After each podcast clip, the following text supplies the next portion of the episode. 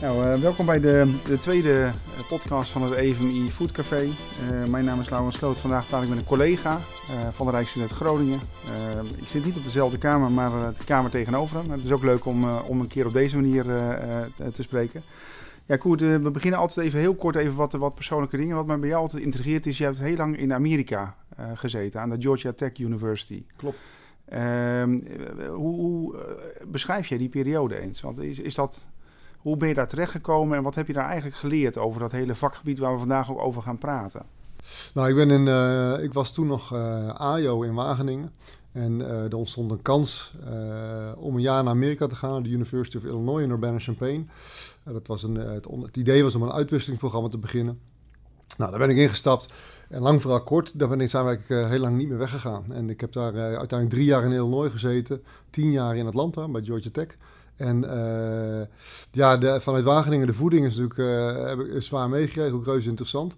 Wat met name in Amerika is ontstaan, is toch mijn, in, uh, ja, mijn, mijn, mijn fascinatie met, met overgewicht en obesitas.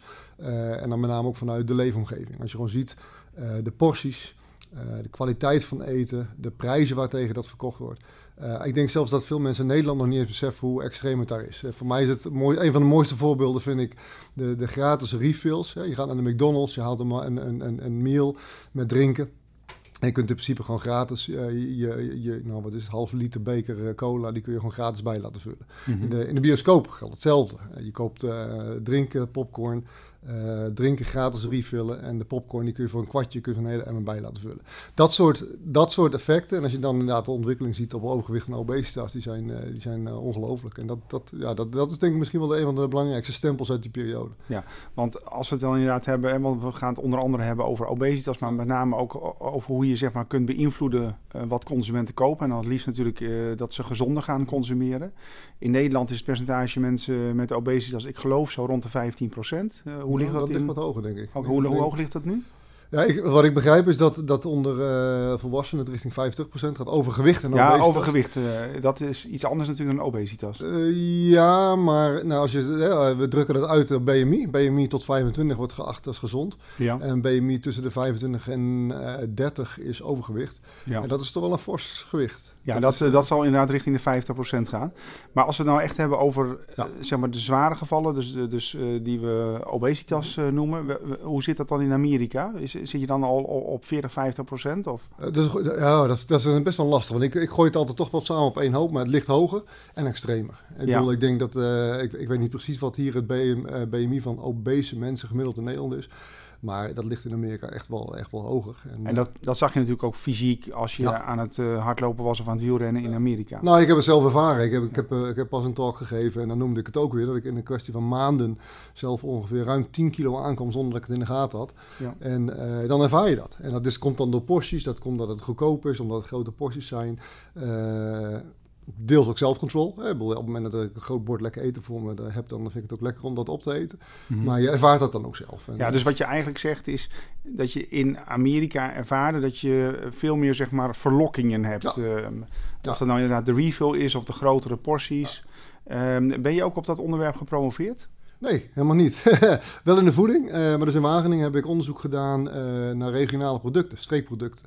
En dan met name inderdaad hoe je vanuit uh, producenten bezien uh, op basis van de regio van herkomst een merknaam zou kunnen ontwikkelen en een merkpositie zou kunnen ontwikkelen uh, om op die manier meerwaarde te creëren voor lokaal geproduceerde producten. Dus dat was eigenlijk het hoofdthema. Oh, dat is natuurlijk ook een relevant topic, maar ja. uiteindelijk zeg maar, ben je dus met name in Amerika, ook door wat je ja. zag in je fysieke omgeving, ja. Uh, wat meer geswitcht naar, ja, naar, naar het onderwerp hoe je gezond eten zeg maar. Klopt kunt bevorderen. Um, nou, laten we dan maar eens over gaan, um, gaan, gaan praten. Um, uh, obesitas, overgewicht, is het een, een groot probleem. Ik, ik lees wel eens onderzoeken dat het 3 of 4 miljard uh, per jaar uh, aan gezondheidskosten zou, zou opleveren in de vorm van hogere kosten die we ja. moeten maken, maar ook dat mensen minder actief zijn in het bedrijfsleven. Ja. Is dat de juiste insteek om het economisch te benaderen? Nou, het heeft meerdere. Ik, ik zeg altijd van, we weten 30% van de wereldbevolking is, heeft overgewicht of, of is obese. levert persoonlijke problemen op. Niet alleen psychologisch, maar ook fysiologisch. We weten allemaal diabetes 2, maar hartklachten, uh, hoogverhoogde bloeddruk, verschillende vormen van kanker worden gerelateerd eraan. Dus, dus dat, is, dat is gewoon op het individueel niveau, denk ik, moreel. Kun je daar met z'n allen over nadenken of, dat, of dat wenselijk is. Nou, dat, al die aandoeningen hebben inderdaad implicaties voor de zorgkosten. dus dat is wel degelijk een financieel verhaal. En dan heb je inderdaad economische uh, kosten, verlies van productiviteit. En die loopt in de, uh, niet alleen van Nederland, maar wereldwijd is die geschat op, op, op ik geloof 40 triljoen over een periode, biljoen, sorry, 40 biljoen over een periode van 10 jaar. Dat is verschrikkelijk veel geld. Ja. Uh, als je het dan heel even tot, tot een basisaspect wil terugbrengen. Ik heb grafieken gezien waarin je op een gegeven moment per aantal BMI-punten overgewicht of obese uh, ziet dat het aantal ziekteverlofdagen of ziektedagen per jaar gewoon significant toeneemt. Dus mensen met, een, uh, met overgewicht of met zware obesitas gewoon meer ziekteverlofdagen per jaar nemen. Dat, dat, is natuurlijk op heel individueel, individueel niveau. Maar als je op, op, een individuele werkgever, kleinere werkgever, dan heeft dat natuurlijk hele directe implicaties voor je organisatie. Kijk, we zijn natuurlijk uh, tegenwoordig heel goed in staat om, om te onderzoeken en om relaties te leggen tussen, uh, tussen bijvoorbeeld nou, roken en hoe lang je leeft of, of zorgkosten. En dat kunnen we tegenwoordig ook met, met de obesitas. Het feit dat we dat kunnen, betekent dat ook dat we daarmee zeg maar, de keuzevrijheid van consumenten zouden moeten gaan inperken? Hè? Gij zult gezond eten. Ja, dat, dat is natuurlijk dat is de grote hamvraag. En dat is een hele, hele moeilijke vraag. Uh, ik denk ook niet dat dat dan individu is. Dat is, dat is iets wat groeit. Uh, dan vind ik zelf inderdaad de, de, ontwikkeling op het gebied van roken wel interessant. Dat is natuurlijk het meest prevalent op het ogenblik wat betreft ingrijpen. Hè. Ehm, jaren geleden stonden de potjes sigaret op tafel. Was het heel acceptabel om in een groot gezelschap met z'n allen te roken. we hebben tegenwoordig discussies over of je op een open buitenterras nog sigaretjes zou mogen roken. Ja, en dat zijn, uh, dat zijn heel lastige. Want ik vind roken zelf vind ik het fascinerend. Daar hebben gewoon directe omgeving. Mensen in de omgeving hebben daar last van. En niet alleen last van, maar gewoon ongezond. Uh, op basis daarvan zou je kunnen zeggen, dan moet je ingrijpen. Maar waar leg je de grens? Mm -hmm. ja, hoe zit het dan met overgewicht en met obesitas? Ja, nou, datzelfde argument. Hè. Ja. Er, er, wordt wel gesuggereerd van mensen met overgewicht of obesitas... die zouden inderdaad hun ziektekostenpremie zo hoger moeten liggen. Voor punt is natuurlijk een klein beetje, waar leg je de grens? Hè? Is dat alleen voor overgewicht en obesitas? Hè? Je kunt het over, over alcoholische consumptie hebben. Je kunt het over gevaarlijk gedrag hebben. Het is een hele moeilijke... Dat is een hele moeilijke... Dat, ja, moeilijke dat is natuurlijk een, een, glijdende schaal. Maar je kunt ook zeggen, we moeten ergens beginnen. Ja. Ja. Op het moment dat u uh, overgewicht heeft, uh, boven tussen de 25 en 30 betaalt u 10% extra premie. boven de 30 misschien 25%. Maar hou je aan een gezond gewicht, heb je misschien wel korting op je gezondheidspremie. Ja. De, de, de, dat is een soort tarivering, hè? zoals dat ook ja. nu af en toe doen met suikertaxen en zo. zou, zou dat niet gewoon eerlijk zijn? Um, ja, het, het, is een beetje welke bril je opzet. Je zou kunnen zeggen, voor het systeem als geheel zou je in theorie kunnen zeggen dat is relatief eerlijk. En je maakt wel een aantal impliciete aannames. Een van de belangrijkste aannames is dat iedereen een gelijke kans heeft om inderdaad een gezond gewicht te bereiken, om een gezond gewicht te behouden. Uh, en, ja, en daar zitten gewoon grote verschillen tussen. Er zitten, een deel zitten genetische uh, verschillen tussen mensen waar je over na moet denken, maar ook omgevingseffecten. het is niet zo dat er, wordt, er zijn ook wel statistieken voor mensen met lagere inkomens, dat die gemiddeld gesproken wat ongezonde leven. Ja, waar komt dat nou door? Is dat omdat die mensen slechtere keuzes maken? En, en als dat is, is waarom waarom maken ze die keuze die ze maken? Is dat ja, en mag je die dan nog eens extra straffen als het ware? Ja, dat is natuurlijk een heel... Uh, we, we, we, gaan het ook nog wel even hebben over inderdaad... Van suiker, moet je een suikerbelasting heffen... of moet je juist producten met minder suiker of geen suiker goedkoper maken? Ja, dat zijn, dat zijn wel hele, hele interessante vraagstukken. Die zijn niet makkelijk, maar dan moet je met z'n allen over nadenken. Je moet er niet uit de weg gaan. Maar wat ik, wat ik soms wel jammer vind, is dat er wel eens dingen gesuggereerd worden van ja, het, zijn eigen, het is alleen maar je eigen keuze. Uh, en als jij tot een ongezonde keuze komt, ja, dan moet je daar maar voor bloeden. Dan moet je daar maar voor bijbetalen. En dat vind ik wel heel erg kort op de bocht. Daar, zouden we, daar moet je echt serieus heel rustig over nadenken. Uh, en datzelfde geldt bijvoorbeeld inderdaad voor, voor belastingen. Mm -hmm. Je kunt allerlei producten wel zwaarder gaan belasten omdat ze ongezond zijn. Maar dan raak je in principe mensen met lagere inkomens, die raak je relatief harder. Uh, die hebben misschien al moeilijk in, in het afwegen van keuzes, hè, van een gezonde versus ongezonde keuze. Als je dan ook nog het ge gezonde product, of ongezonde product, uh, wat we over het algemeen lekkerder vinden, mm -hmm. uh, duurder gaat maken, ja. dan is de kans best wel aanwezig dat, dat het ongezonde dag, of dat het gezonde dag helemaal nog verder in de knoop komt. Ja, dus dat nou, laten, we, laten we, want een van de onderwerpen waar we over gaan praten is, of dat is onder andere de suikertax ja. hè, op, op frisdrank, of dat wel of niet ingevoerd zou worden. Of eigenlijk zoals dat nu in Nederland omgekeerd doen dat de light producten, de, de, de, de, mineraalwaters ja. en de light softdrinks, dat, dat die naar 0% verbruikersbelasting ja. gaan. Ehm, eh, daar is ook al kritiek op gekomen. Hè? Met name over waarom ehm, eh, maken ze AGF niet goedkoper, want dat is toch gezonder. Maar hoe kijk jij tegen die maatregel? Ja, ik, ik, het verraste mij een beetje. Ik, ik, kwam er vorige week informeerde mij er ook iemand over deze mogelijke regeling.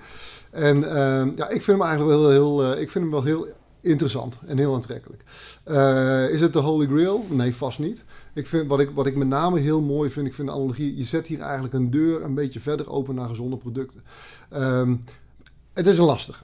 Hè, ehm, eh, er is onderzoek, het is toevallig een uh, recent paper, uh, is, komt eraan, dat heeft laten zien, of dat suggereert dat het, het verlagen van ongezond gedrag middels interventies effectiever is uh, dan een interventie die inzet op het stimuleren van gezond gedrag.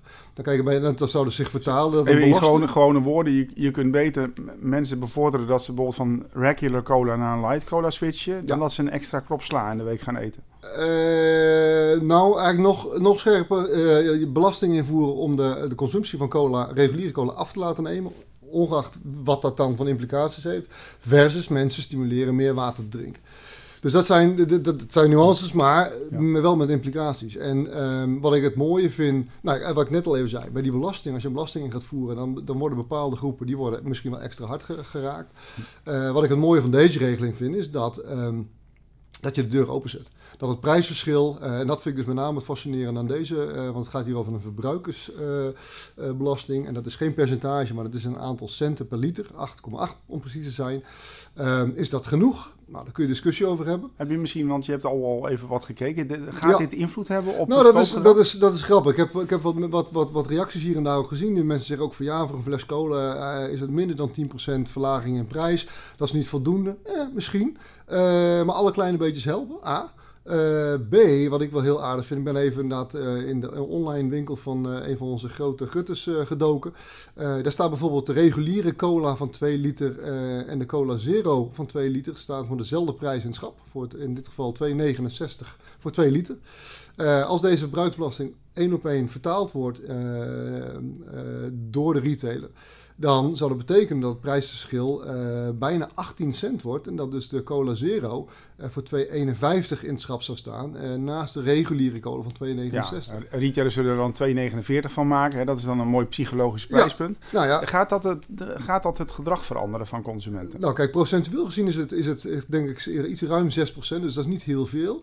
Maar er is ook onderzoek dat laat zien, en, dat, dat heet het left digit effect dat mensen eigenlijk als ze prijzen vergelijken, een soort van links naar rechts prijzen met elkaar vergelijken. Nou, als het inderdaad naar 2,49 gaat, dan, dan, heb ik nog een extra bonuspunt hier. Dan zou het dus betekenen dat je dus van 2,69, dus van de 60 cent domein, richting de 40 cent domein ja. gaat. Dat effect is gewoon sterk.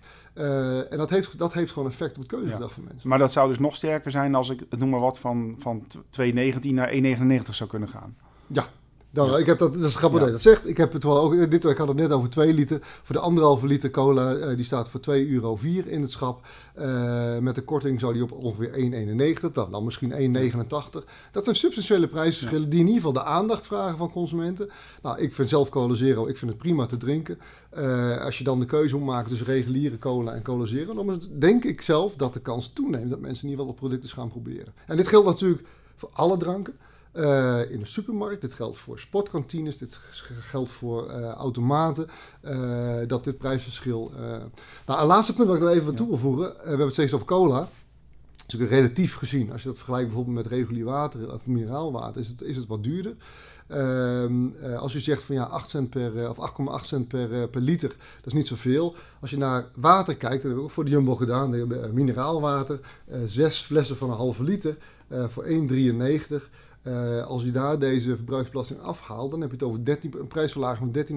Dus dat is best Dat is fors. Dan, dan zou die rond de 1,69 komen of zo? Ja, ja, ja. ja. dat, is, dat is inderdaad een fors prijsverschil. Wat, wat verwacht je ervan? Uh, verwacht je dat, dat, er, dat zeg maar de, als je bijvoorbeeld kijkt bij cola of bij, bij Sinaas, bij, zeg maar, bij de traditionele softdrinks, mm dat er een aardige verschuiving gaat komen van de suikerhoudende varianten naar de uh, suikervrije varianten? Ik denk dat er een verschuiving gaat plaatsvinden. Uh, hoe groot die zal zijn, dat is natuurlijk een beetje koffiedik kijken. Dat, uh, er zitten ook best haken en ogen maar, aan. Maar zou het bijvoorbeeld, hè, ik weet niet precies wat die verhouding mm -hmm. nu is, maar stel dat het 50-50 zou zijn.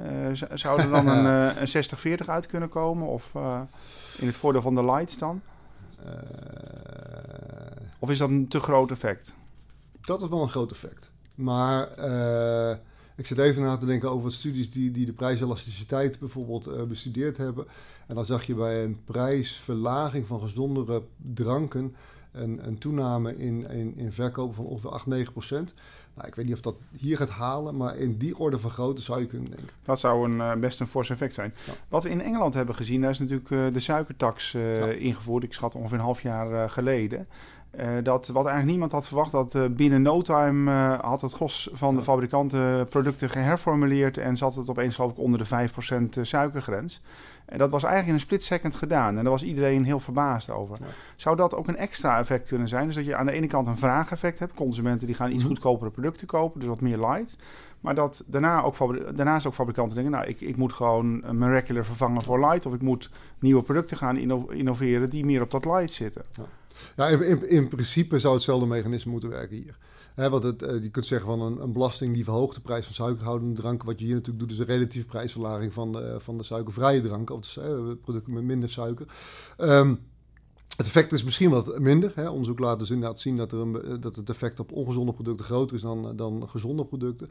Maar het is niet onwaarschijnlijk. En of dat dan cola is, Coca-Cola is natuurlijk al heel lang bezig ja, met... Je zegt even wat interessant. Je zegt okay. onderzoek heeft laten zien dat het effect op gezonde producten kleiner is dan op ongezonde producten. Wat, wat bedoel je nou, daar Dat gaat er terug naar die, wat, ik, wat, ik net, wat ik eerder zei over die studie die laat zien dat als je een interventie doet om de consumptie van cola, reguliere cola, of ik moet niet alleen cola noemen, maar van, van ongezonde producten wil verlagen, door bijvoorbeeld een prijsverhoging of, of door allerlei andere soorten interventies, dat dat relatief gezien effectiever is dan proberen mensen te stimuleren gezonde meer van een gezond product te eten. Ja.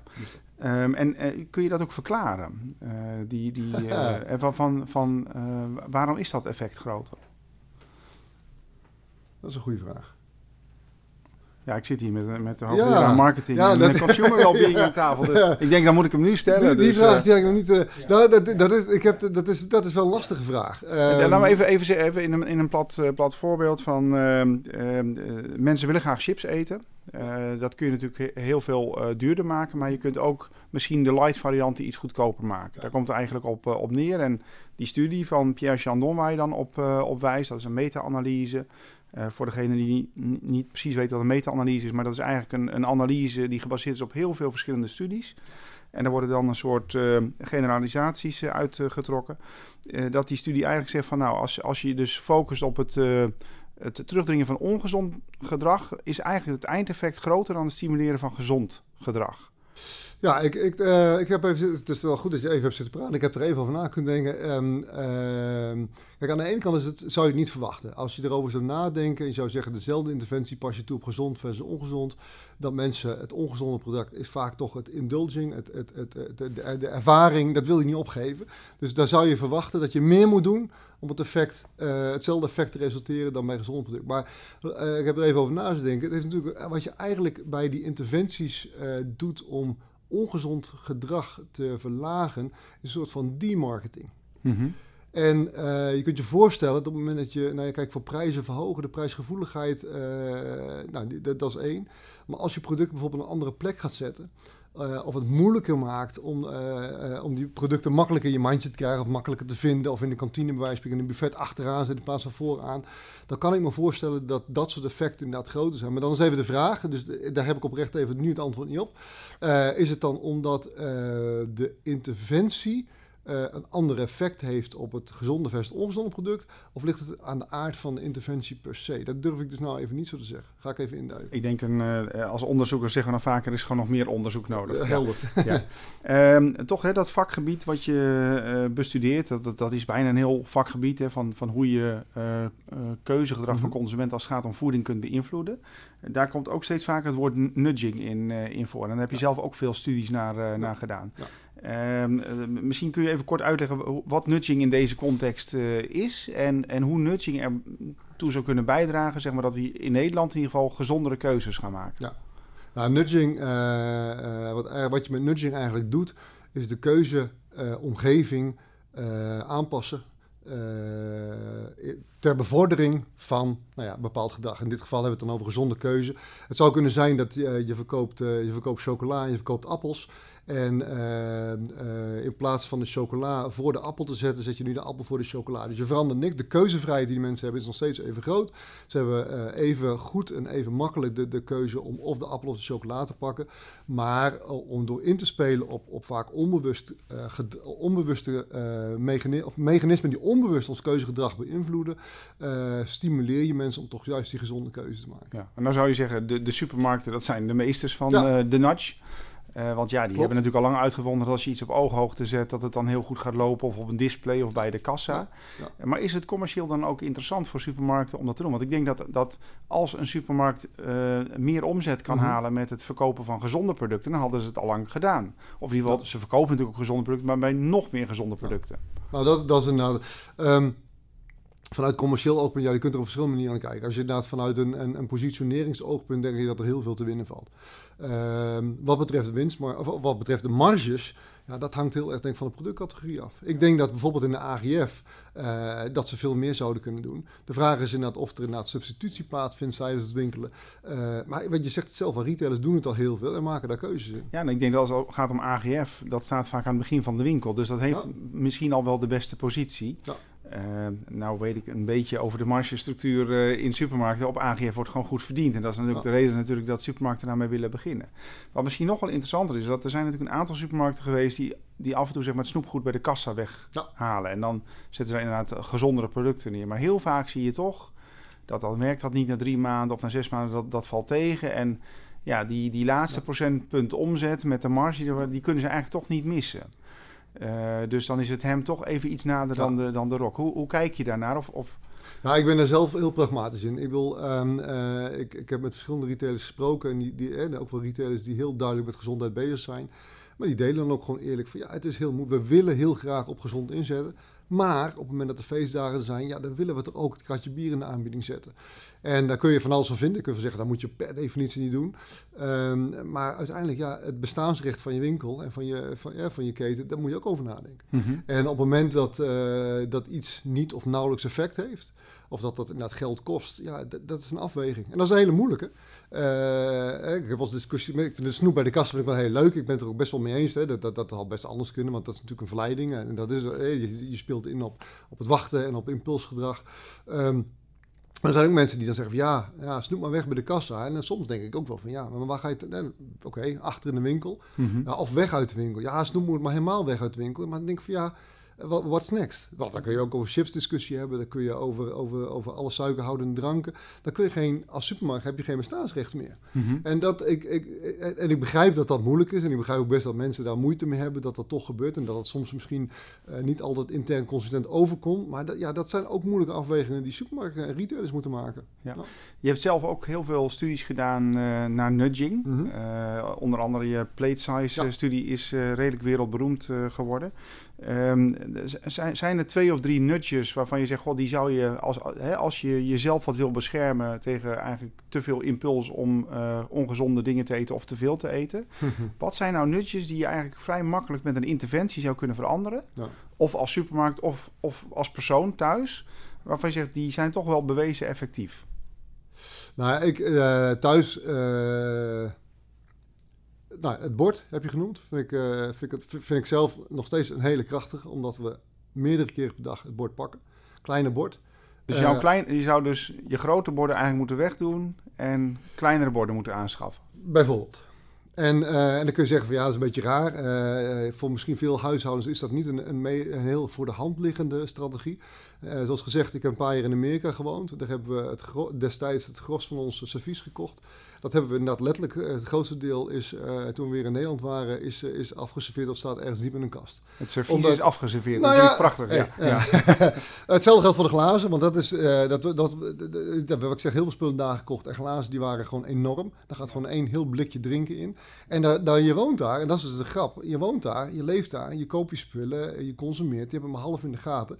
Je komt weer in Nederland en je gaat op zoek naar vervanging van een glas. Je denkt van, hè, wat een kleine glaasje allemaal. En dat zijn, dat zijn kleine dingen um, uh, die omdat je zo vaak van een groot bord of een uh, groot glas drink effect kunt hebben. Maar even daarop aansluitend, de, voor de retail, daar kunnen we dat ook heel lang over praten. Supermarkt kunnen we heel lang ook over praten. Maar wat ik wel gaaf vind, is dat er um, in de VS onder meer een, een Chinees buffetrestaurantketen en ik weet in Scandinavië een groot hotel. Die op een gegeven moment gewoon in hun restaurants, in hun buffetrestaurants, de grote borden vervangen hebben door kleinere iedereen happy. Want bij een buffet is het gewoon simpel. Mensen kunnen teruggaan zo vaak ze willen. Maar op het moment dat je een heel groot bord geeft en ze gaan de tweede of derde keer terug, het gros van het eten eindigt uiteindelijk in de prullenbak. Ja, maar, hier, maar hier komt natuurlijk commercie en het bevorderen van uh, zeg maar dat je, dat je te veel gaat eten of dat voorkomen. Ja, komen natuurlijk samen. Want ja, als ik, ja, als ik dan... geld bespaar, hè, als, als ik. Uh, de, ja, maar dat is, dan toch, dat, is dan, dat is dan toch een prachtige win-win. Ja. Want aan de ene kant zeg je van, weet je wat, ik help mijn uh, consument indirect met het onder controle houden van de consumptie. En aan hetzelfde moment zorg ik ervoor dat ik veel minder eten klaar hoef te maken. En de klant is nog steeds happy. Ja. En dan kun je zeggen van ja, wat is nou uiteindelijk het, het, het motief van een, een, een, een, een hotel of van een restaurant? Dat vind ik niet zo heel relevant. Ik bedoel, uh, kijk, op het moment dat je sterk inzet puur economisch. En, en je zegt eigenlijk van, nou, je weet je, ik, ik geef geen barst om de consument, die zoekt het zelf maar uit. Dan kun je op een gegeven moment discussie, een, een morele discussie hebben van, uh, maar dat is ook wel moeilijk. Ja. maar het is natuurlijk zo van, uh, kijk, op het moment dat je bijvoorbeeld zaken als duurzaamheid of gezonde mhm. voeding mm -hmm. uh, bevordert, en, en, je verdient ook meer, dan is het eigenlijk een no-brainer. Ja. Het gaat vaak wel schuren op het moment dat, ja, dat, je, dat je ook in je eigen vlees moet snijden, bijvoorbeeld als, als supermarktketen. En um, want, hoe kijk je dan bijvoorbeeld aan tegen uh, het feit dat bijvoorbeeld een Lidl heeft besloten van nou, we gaan geen rookwaren meer verkopen. Ja. Dat is bij hun ongeveer anderhalf procent van de omzet. Dat is een veel kleiner deel dan bij de meeste ja. andere supermarkten. Dus dat is misschien ook wat makkelijker. Maar zij missen natuurlijk toch een beetje traffic van een aantal rokers die toch even nog een pakje sigaretten moeten kopen. En dan ook maar meteen even de boodschappen doen. Vind je dat een stoere beslissing? Of? Ik vind het een stoere beslissing. Ik denk dat we daar niet langer. Kijk, je kunt zeggen van ja, het, uh, en dat is natuurlijk ook zo verhoudingsgewijs, is natuurlijk anderhalf procent voor, voor een retailer afhankelijk van sigaretten is relatief laag. Uh, maar desalniettemin. Het, is natuurlijk, het gaat eigenlijk tegen, tegen de, de, de reguliere intuïtie in. Uh, kijk, het snijden eigen vlees, dat is ook een hele lastige. Ik denk nog steeds wel dat je uh, na moet denken, of je nou een retailer bent of, of wat voor bedrijf dan ook, dat je na moet denken over van, is er vanuit een, brand positioning oogpunt, is daar winst te halen? Want ik denk dat dat nog eens vergeten wordt. Ik denk dat je daar een deel van de pijn, uh, voor een aantal uh, actoren in de markt, dat je een deel van de pijn zou kunnen wegnemen. Dan zeg je eigenlijk, ja, Lidl positioneert zich als een gezondere supermarkt en dat, daar zit ook een win in. Dat, dat zou kunnen. Het is de vraag of, of alleen weghalen van sigaretten, of dat voldoende is. maar daar moet je over nadenken. Een ander ding is, ik, ik, ben, ik geloof ook niet dat er één individuele partij in de markt is die hoofdelijk aansprakelijk is voor. En ik denk dus inderdaad, op het moment dat je... we, hebben het net al even gehad over de economische uh, rentabiliteit... Of, renda, het of het rendabel is inderdaad voor een ja. supermarkt om, om zijn zaak te runnen. Die hebben ook een verantwoordelijkheid, een maatschappelijke verantwoordelijkheid... en verantwoordelijkheid naar de medewerkers. En, en daar kun je niet alles over wegpoetsen. Maar wat ik wil zeggen is dat het is niet alleen aan de retailer. Uh, ik denk dat we de, de, de levensmiddelenindustrie die moet aan de bak. Uh, dat kan middels herformuleringen. En dat moet ook voorzichtig gebeuren. Want daar zijn ook voorbeelden van dat herformuleringen. Ja, er zit minder zout in. Ja, er zit minder suiker in. Consumenten vinden het niet meer lekker. Dus dat is ook heel lastig. Maar ik denk dat je met z'n allen moet doen. En er zit dus deel levensmiddelenindustrie in. Er zitten supermarkten in. Er zitten restaurants zitten in. Kantines, schoolkantines, noem het op. Maar ook overheid. En daar vind ik het dus wel leuk als je dan over nadenkt over die verbruiksbelasting. Daar kun je vinden van wat je wil. Het zal niet de holy grail zijn, maar ik vind het een mooi signaal. Het zou fantastisch zijn als dat inderdaad ook in de AGF wordt doorgezet. Dat je inderdaad echt een breed scala aan producten ondersteunt. Daar gaat een signaalwerking van uit. Uh, ik hoop dat dat ook een signaalwerking richting de levensmiddelenfabrikanten zegt. Dat het inderdaad ook voor hun een extra stimulans zou kunnen worden om nog meer in te zetten op het verlagen van suiker. Ik denk dat je op die manier met z'n allen aan de bak moet. En uiteindelijk, en daar blijf ik ook bij, we blijven als consument ook eindverantwoordelijkheid houden. We kunnen niet alleen maar naar de retailer kijken en uh, jij verkoopt snoep bij de kassa en dus ik ben te dik. Ja. Zo werkt het ook niet helemaal. Nee, kijk, je, kijk er wordt natuurlijk vaak uh, gesproken, je kunt consumenten beter informeren in de hoop dat ze verstandiger uh, beslissingen gaan nemen. Mm -hmm. Je kunt het natuurlijk op een zachte manier doen met nudging, wat ja. beïnvloeden. Je kunt al wat meer een, een, kleine interventie doen, bijvoorbeeld met een, een, een suikertax. Ja. Of in het geval dat je, dat, je, dat je de verbruikersbelasting op light uh, ja. Afschaft. Maar je kunt natuurlijk ook zeggen, uh, na 30, 40 jaar van het werkt allemaal niet. Overheid, grijp in. Uh, dat de overheid normen gaat stellen. Bijvoorbeeld, softdrinks mogen nooit meer dan wat 3% suiker bevatten. Moeten we naar die maatschappij, vind je? Ik hoop dat we er niet zo ver komen. Ja, ja, Ja, nee, maar, ja. dat, dat- Ja. maar de- als ik, als ik nou met, met, met fabrikanten of met, met retailers praat, en, dan is dat eigenlijk ook een beetje mijn impliciete aanname van jongens. eh, ik denk dat er kansen liggen. Eh, af en toe zal dat pijn doen financieel. Eh, maar je moet je denk ik heel goed realiseren dat als je niks doet, dan komt een moment dat de overheid zal zeggen genoeg is genoeg. En bij sigaretten vind ik, we hadden net al bij de Lidl aan. Sigaretten is natuurlijk een interessant onderwerp. Eh, jarenlang was het, was het allemaal geen centje pijn. Eh, toen zijn we met de prijs gaan, eh, gaan, gaan proberen om, de, om, de, om de, de, rookgedrag te verminderen. Eh, toen hebben we gezegd, nou, reclame gaat er helemaal af. Gewoon helemaal basta afgelopen. Nu zijn we zover dat het eigenlijk niet meer mag zien. Ja, eh, wellicht weet de Lidl iets. Ik zou, me, ik zou me kunnen voorstellen dat de distributiedichtheid gigantisch aangepakt gaat worden. Dat op een gegeven moment zeggen van, nou, dus alleen daar en daar mag nog verkocht worden. Ja, En dat je, maar- maar, dan heb je dus overheidsingrijpen. En dan, dan sta je dus als, als sector, of als industrie, of als, als in dit geval de, de, de fabrikant. Dus dat is een hele specifieke productcategorie. Maar sta je te kijken, heb je niks meer in te brengen. Ja. In, binnen Nederland, binnen Europa. Nee, maar feit is natuurlijk, het is toch een soort trappetje. Hè? Eh, Vaak eh, eh, wordt er begonnen met mensen beter informeren in de hoop dat het gedrag verbetert. Als dat niet werkt, dan ja, zie je al iets hardere vormen. Bijvoorbeeld nudging, als dat, hè, bijvoorbeeld eh, snoep weghalen bij de kassa. Maar ja, dat, dat is lastig. maar is dat voor roken zo stapsgewijs gegaan? Dat is vrij fors. Op het moment dat je de prijzen eh, en, en de reclame Ja, daar- daar zijn-. Ja, daar is men eigenlijk vrij snel zeg maar, naar een hoge accijns eh, En, da- en, dan is, en, Ja. en daar is natuurlijk, dat, dat maakt sigaretten natuurlijk bijzonder, dat de implica persoonlijke perso eh, implicaties en voor de omgeving natuurlijk veel harder zijn. En dat maakt, denk ik, op het gebied van overgewicht en obesitas, maakt dat heel moeilijk. Ja. Want ga jij maar de casus maken, dan zijn het alcohol. Alcohol hebben we er niet zo heel veel over. Alcohol veroorzaakt ook heel veel Ja. hele schrijne eh, problemen. Heel veel Ja. problemen. Maar de, de vraag is inderdaad natuurlijk van, hè, de, eh, de- gaan we dan niet te veel de route op van, ja, betutteling is dan vaak een woord wat, eh, wat wordt gebruikt. Hè, want goed, nudging hou je nog je eigen keuze. Hè, of dat nou een, een kleiner bord is. Je kunt heel vaak Mhm. naar dat buffet heen en weer lopen als, als je wil. Je kunt nog steeds kopen wat je wil. Maar op het moment dat je inderdaad accijns eh, erop gaat zetten... of je gaat zelfs eh, ja, verboden uit, eh, uitvaardigen... Ehm, in welke rol zou de overheid moeten zitten? Want, want Ja. feit is natuurlijk wel, het, het, het probleem wordt van overgewicht en alle wordt niet kleiner, het wordt groter in alle westerse landen. Ja, en, en- ja nee, klopt. Ehm, en dat is een afweging die, die zal van, van land tot land verschillen. Eh, ik denk dat in Nederland, eh, nou, het woord betutteling valt al. Hè, de, mensen maken zich er al meer zorgen over. Aan de andere kant hoor ik ook wel groepen mensen die, die, die kan, het, kan het niet extreem genoeg. Nou, dat, hoop ik, hoop ik, ik hoop persoonlijk dat dat niet zo ver hoeft te komen. Eh, en, en met dat het achterop blijf ik erop. Ik denk dat we het met z'n allen moeten doen. En dat klinkt een beetje als, als, als een eh ronddans met z'n allen. Maar ik denk dat het probleem zo complex is. Eh, dat, dat het niet, ook niet alleen met overheidsmaatregelen afgedwongen kan worden. Want Mhm. eh, ga eens nadenken over productherformulering en ga je dat afdwingen. En dat in een wereldwijde economie. Dat is, bijna, is dat haalbaar? Dat, ik denk dat er dan producten afgevallen, dat grote eh, merken ermee zullen stoppen. Ik denk dat ik denk dat, dat, ik denk dat, dat niet realistisch is. Nee, je- dan moet je op, ja. Daar zou je op Europees Ja. niveau wel moeten doen. Nou, dan, Ja. dan, dan, dan weet je ook dat is ook niet, niet heel eenvoudig. Eh, hoe groot is het probleem eigenlijk? Want we hebben natuurlijk in het begin van het gesprek gesproken over eh, het percentage mensen dat obesitas eh, heeft of overgewicht. we zien ook allemaal dat dat percentage nog steeds toeneemt. Maar volgens mij heb je zelf een keer uit, uitgerekend over, over hoeveel calorieën per week praten nou eigenlijk. Dat mensen minder zouden moeten eten. Nou, dat is dus, ja, ehm, eh, er is een paper, wat dat is in Science gepubliceerd, dat heeft gesuggereerd eh, dat als mensen 100 kilocalorieën per dag minder zouden consumeren, dat voor het gros van de bevolking het dan eigenlijk al, al, al prima is. En eh, de gemiddelde mens consumeert. Ja, dus het, 2500, het advies ja. ligt, zit tussen voor 2000 kilocalorieën per dag voor, de, voor vrouwen en eh 2500 voor mannen. En daar zitten wel variëteiten, maar dat is een beetje de benchmark. Dus je hebt het eigenlijk over pakweg 4%, 4, 5% minder calorieën Ja. Per dag. Of eh 4, 5% ja, minder calorieën per dag. Dat, dat zou eigenlijk het ja, dat, al op moeten kunnen. dat zou een heel, ja. dat zou een verschil maken. Eh, maar de vraag is dus hoe je dat realiseert. Maar dat, dat lijkt niet heel moeilijk, Nee. laat ik het zo maar zeggen. Nee. Waar, waarom is dat dan toch zo moeilijk? Nou ja, mijn, mijn, dus ik, heb, ik heb daar inderdaad eh, eh, een aantal dingen over. Ik heb er een aantal keer een lezing over gegeven. Mijn conclusie is eigenlijk van dat, dat complexiteit. Die, het is niet zo dat die 50 kilocalorieën of 100 kilocalorieën te veel, zeg maar één keer per dag geconsumeerd worden. Die, kilo, die extra overconsumptie van kilocalorieën, die komt eigenlijk gedurende de hele dag tot stand. Nou, waarom is dat zo moeilijk om, te, om onder controle te krijgen? Nou, we maken heel veel bes- beslissingen per dag die die kilocalorieën beïnvloeden. Ongeveer, de inschatting zijn ruim 225.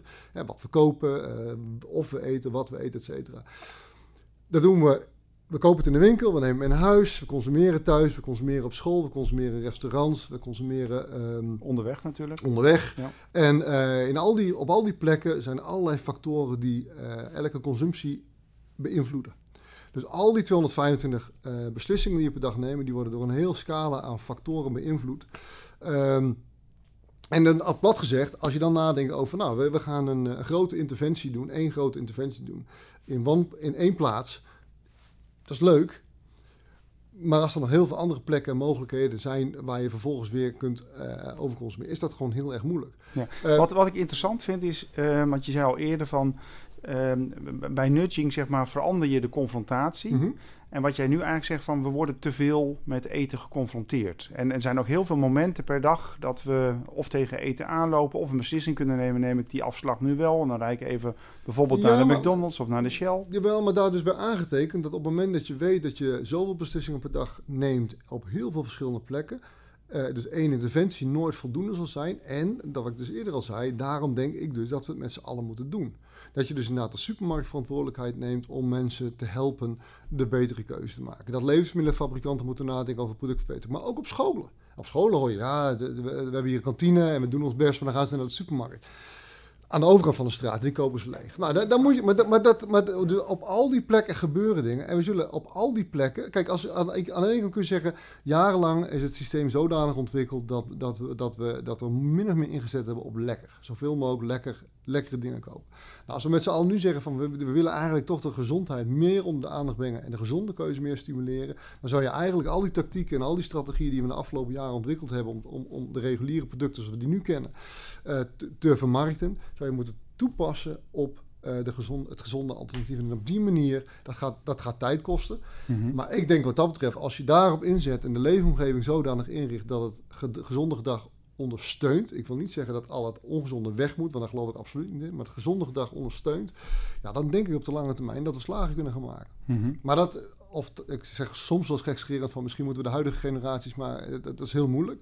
Moet je beginnen bij de kinderen. En, en, en dan moet je laten Met, met hoe bijvoorbeeld smaak ontstaat en met, maar, maar ook, ook het onderwijs. Eh, Ja. Ik vind het, ik vind het eh, wij, wij leiden kinderen op eh, vanaf van jongs af aan om goed te kunnen rekenen, om taal te beheersen, et cetera. Eh, maar persoonlijke gezondheid, dat is eigenlijk, eigenlijk een fractie. En, en het is leuk natuurlijk als je hersenen in, in goede condities zijn, maar als het lichaam daar niet in volgt. En ik denk als je al, ik zeg, ik heb het altijd over de harde schijf, maar als je op die leeftijd eh, een aantal basisprincipes, dat je goed voor jezelf moet zorgen, dat je goed moet nadenken over wat je eet, hoeveel je eet, waar je eet. Eh, ik denk dat dat bijdraagt tot een stukje zelfbewustzijn en van, van jongs af aan erin brengen. Ik denk dat dat, dan kun je denk ik over een generatie echt verschil gaan maken. Je zegt eigenlijk, het is een duizendkoppig eh, eh, probleem. Ja. En, en, en eh, dus op het moment dat je zegt, nou, je moet de zout reduceren of je moet de suiker duurder maken, dat kan een maatregeltje zijn, maar Ja. als standalone gaat dat het niet redden. Nee, en, maar kijk, en, dat, en daarom, wat ik wel, dat is wel grappig dat je het zo zegt, want correct, dat zal niet voldoende zijn. Maar dat gezegd hebbende, vind ik zelf, moeten we denk ik ook heel erg uitkijken als buitenwacht en wie dat dan ook is, om heel kritisch te zijn over alle interventies. Want elke interventie kun je haken en ogen bij, eh, bij, bij zetten. En dan is de vraag van als je elke individu- in- individuele interventie afserveert op wellicht aardige gronden, Mhm. eh, dan zeg ik van ja, wat, wat is er aan het einde van de rit dan nog over? Mhm. Wil je daadwerkelijk dat de overheid keihard ingrijpt en zegt van nou het is afgelopen, eh, dit mag niet meer, dat mag niet meer. Ja, ik denk dat, dat je dan in een samenleving terechtkomt waar mijn- weinig mensen heel gelukkig van zullen worden. Ehm, zeg maar, ik vind dat intrigerend, die 3 tot 4 procent calorieën Mhm. die we gemiddeld per dag te veel consumeren. Ehm, je zou ook kunnen zeggen, ja, maar we zijn van een, een, een, zeg maar een actieve samenleving, eh, waarbij heel veel mensen letterlijk in productie werkten, zijn we tegenwoordig een zittende samenleving eh, geworden. We doen allemaal kantoorwerk. Ehm, we, we gaan zelden meer met de fiets naar het werk, maar we pakken de auto. Ehm, waarom zou de, de levensmiddelenindustrie Ja. hier schuld dragen? De mensen hebben zelf hun gedrag veranderd. Ja. En zorg nou, en, en, en het is natuurlijk niet erg als je zittend werk hebt, maar zorg dan dat je op die racefiets springt. Ja. Als je s'avonds uh, daar tijd voor hebt. Dus, dus waarom zeg maar, zou hier de bal uh, moeten komen te liggen bij bijvoorbeeld levensmiddelenfabrikanten, restaurants, uh, Ja. supermarkten? Nou, ook hier geldt weer, de, de, de, de, wat mij betreft, eh, de bal ligt bij. Nee. Het, ja, we hebben het over retail, hè, we hebben het over voeding. dat is natuurlijk één kant van de medaille. Bewegen is natuurlijk ook enorm belangrijk. Ik noemde de VS al, we hebben het over gehad.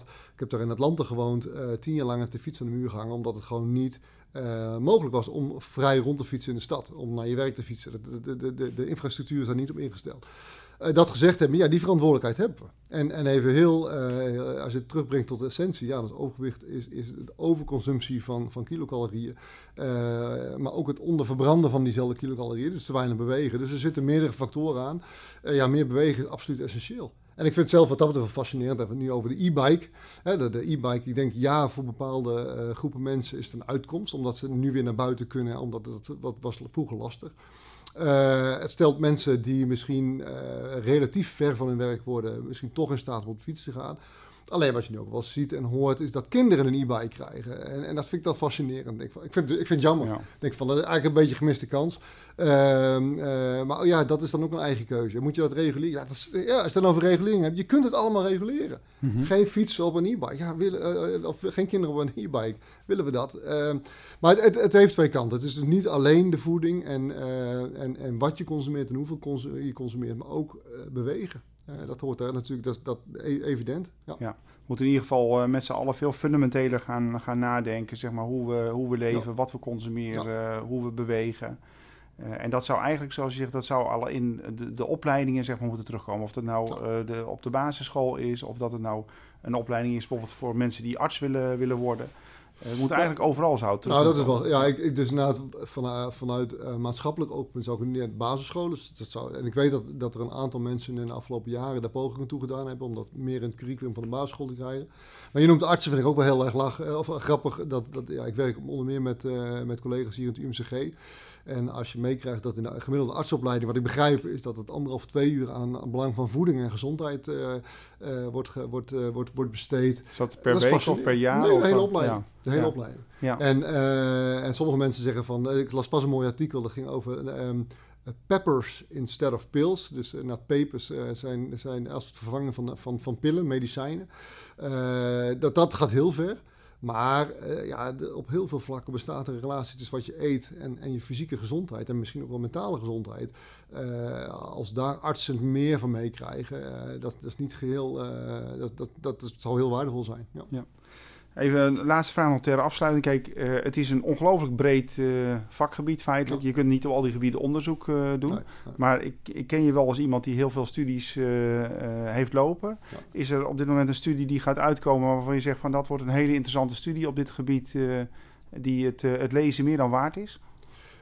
uitkomen, de, de, nog, nog niet. We zijn daar druk mee bezig, maar we zijn met één lijn van onderzoek, daar ben ik zelf wel enthousiast over. dat gaat inderdaad over de supermarkt. Dus hoe mensen uh, tijdens een individuele shoppingtrip, dus in de winkel, tijdens het winkelen, uh, hoe een gezonde keuze tot stand komt. En wat we daar een beetje lijken te vinden, is dat, die, dat er een relatie bestaat tussen de mate van gezondheid uh, tussen keuzes. Dus als je in eerste instantie een relatief gezonde keuze maakt binnen een productcategorie, ongeacht wat de productcategorie is, lijken wij te vinden dat dan de volgende keuze relatief ongezond is. En dat heeft weer een positief effect op de gezondheid van de volgende keuze. Een soort dus van een soort, zich... Ja, een soort mental bookkeeping. Dus uh, ik koop bijvoorbeeld nu, ik noem wat, uh, een light product. Ja. En die categorie daarna kom ik toevallig langs de chocolade en denk ik, ja. nou, ik kan er wel een extra reepje in mijn karretje gooien. Dat idee. En, en uh, aan zich is dat interessant. Wat mij met name maatloos fascineert, en dat, dat gaan we hopelijk, uh, daar zijn we bezig met onderzoek naar te doen, is van, zou, dat zou dat in theorie kunnen betekenen dat een gezondheidsinterventie in een, bepaalde productcategorie misschien wel leidt tot een gezondere keuze binnen de productcategorie, maar blijft er op winkelwagenniveau nog wat over van die gezondheid. Ja, als je dus ineens op basis van een promotie een light product koopt, is dat gezond?